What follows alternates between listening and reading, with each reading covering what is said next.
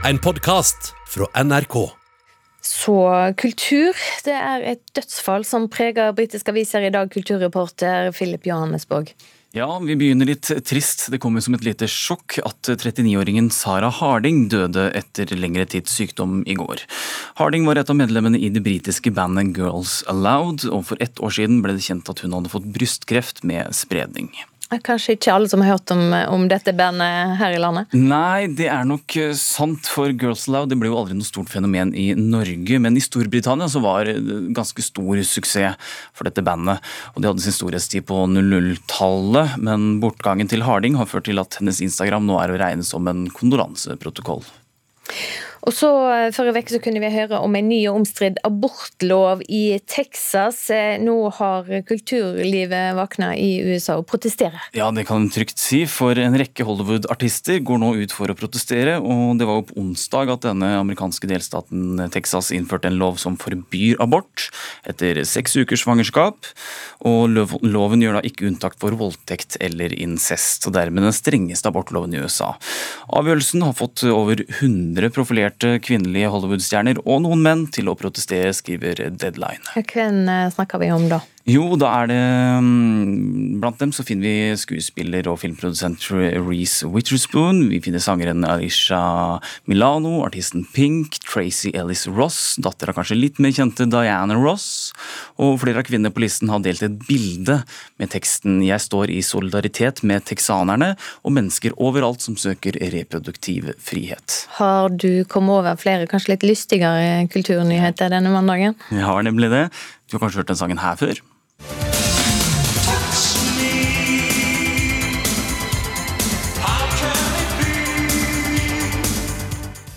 Ja, Komponisten fyller nemlig 60 år i dag, og du vet kanskje hvem det er? Ja, kan det være Pål Vokter Savoy? Det er helt riktig. Han fyller 60 år, og vi håper på en stor kake til gitaristen i ha-ha. Takk skal du ha, Philip Johannesborg.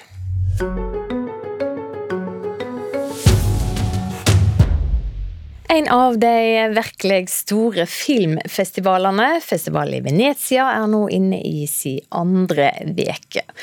NRKs filmkritiker Birger Vestmo, du er med oss nå. Buongiorno. Ja, buongiorno.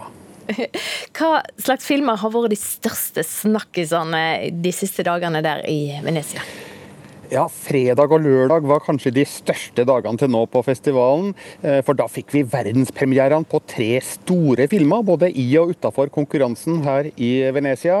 Eh, da snakker jeg om Denis Villeneuves spektakulære Dune, med bl.a. Timothy Chalamet, Rebecca Ferguson og Oscar Isaac. Eh, den innfridde virkelig forventningene som storslagen og ambisiøs science fiction. Og så syns jeg at Kristen Stewart storspiller som prinsesse Diana i Spencer, et eh, skarpt fabeldrama fra Pablo Larain. Og Edgar Wright underholdt meg skikkelig med sin tidsleikende og musikalske skrekkthriller 'Last Night in Soho', med Thomasine McKenzie og Anja Taylor-Joy i uh, hovedrollene. Og De tre filmene har jeg anmeldt til terningkast fem på nrk.no, og de har òg fått overveiende eh, god mottagelse, vil jeg si, i internasjonal presse. Vi har vel litt å glede oss til, da.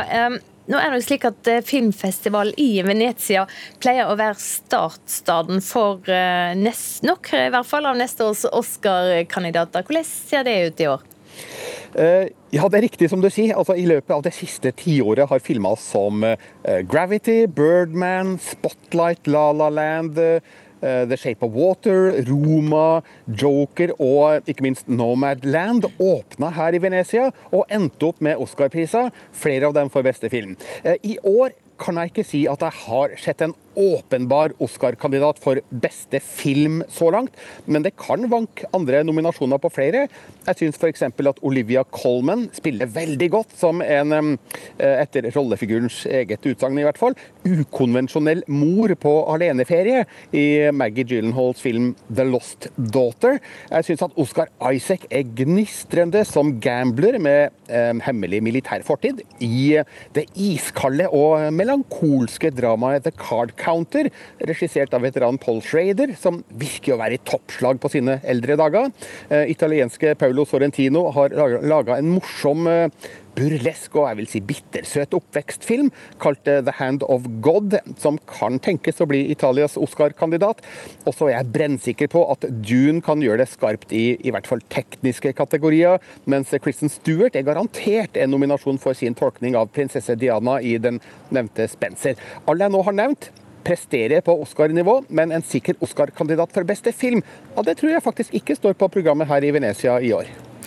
Eh, festivalen varer fram til lørdag. Hva er du mest spent på i dagene som står igjen? Ja, Der må jeg si jeg gleder meg mest til to filmer som faktisk da stiller utafor konkurranse. På onsdag vises nemlig 'Halloween Kills' med Jamie Lee Curtis. Dette er altså den nye filmen i skrekkfilmserien som starta helt tilbake i 1978. Også da med Curtis i hovedrollen som Laurie Strode, en av de klassiske Scream Queens på kinolerretet.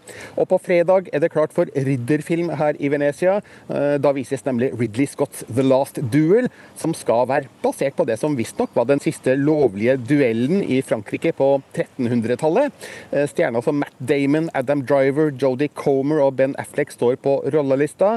Og traileren som er sluppet, tyder på at Ridley Scott eh, satser på storslagen underholdning av samme type som han laga i filmer som 'Gladiatoren' og 'Robin Hood'. Så jeg satser på en knallavslutning på årets filmfestival her i Venezia. Takk skal du ha, Birger Vestmo, filmkritiker altså her i NRK, og på nrk.no anmeldelser. Der kan du lese hva Birger Vestmo synes om flere av filmene som er vist i Venezia så langt. Du har hørt en podkast fra NRK. Hør flere podkaster og din favorittkanal i appen NRK Radio.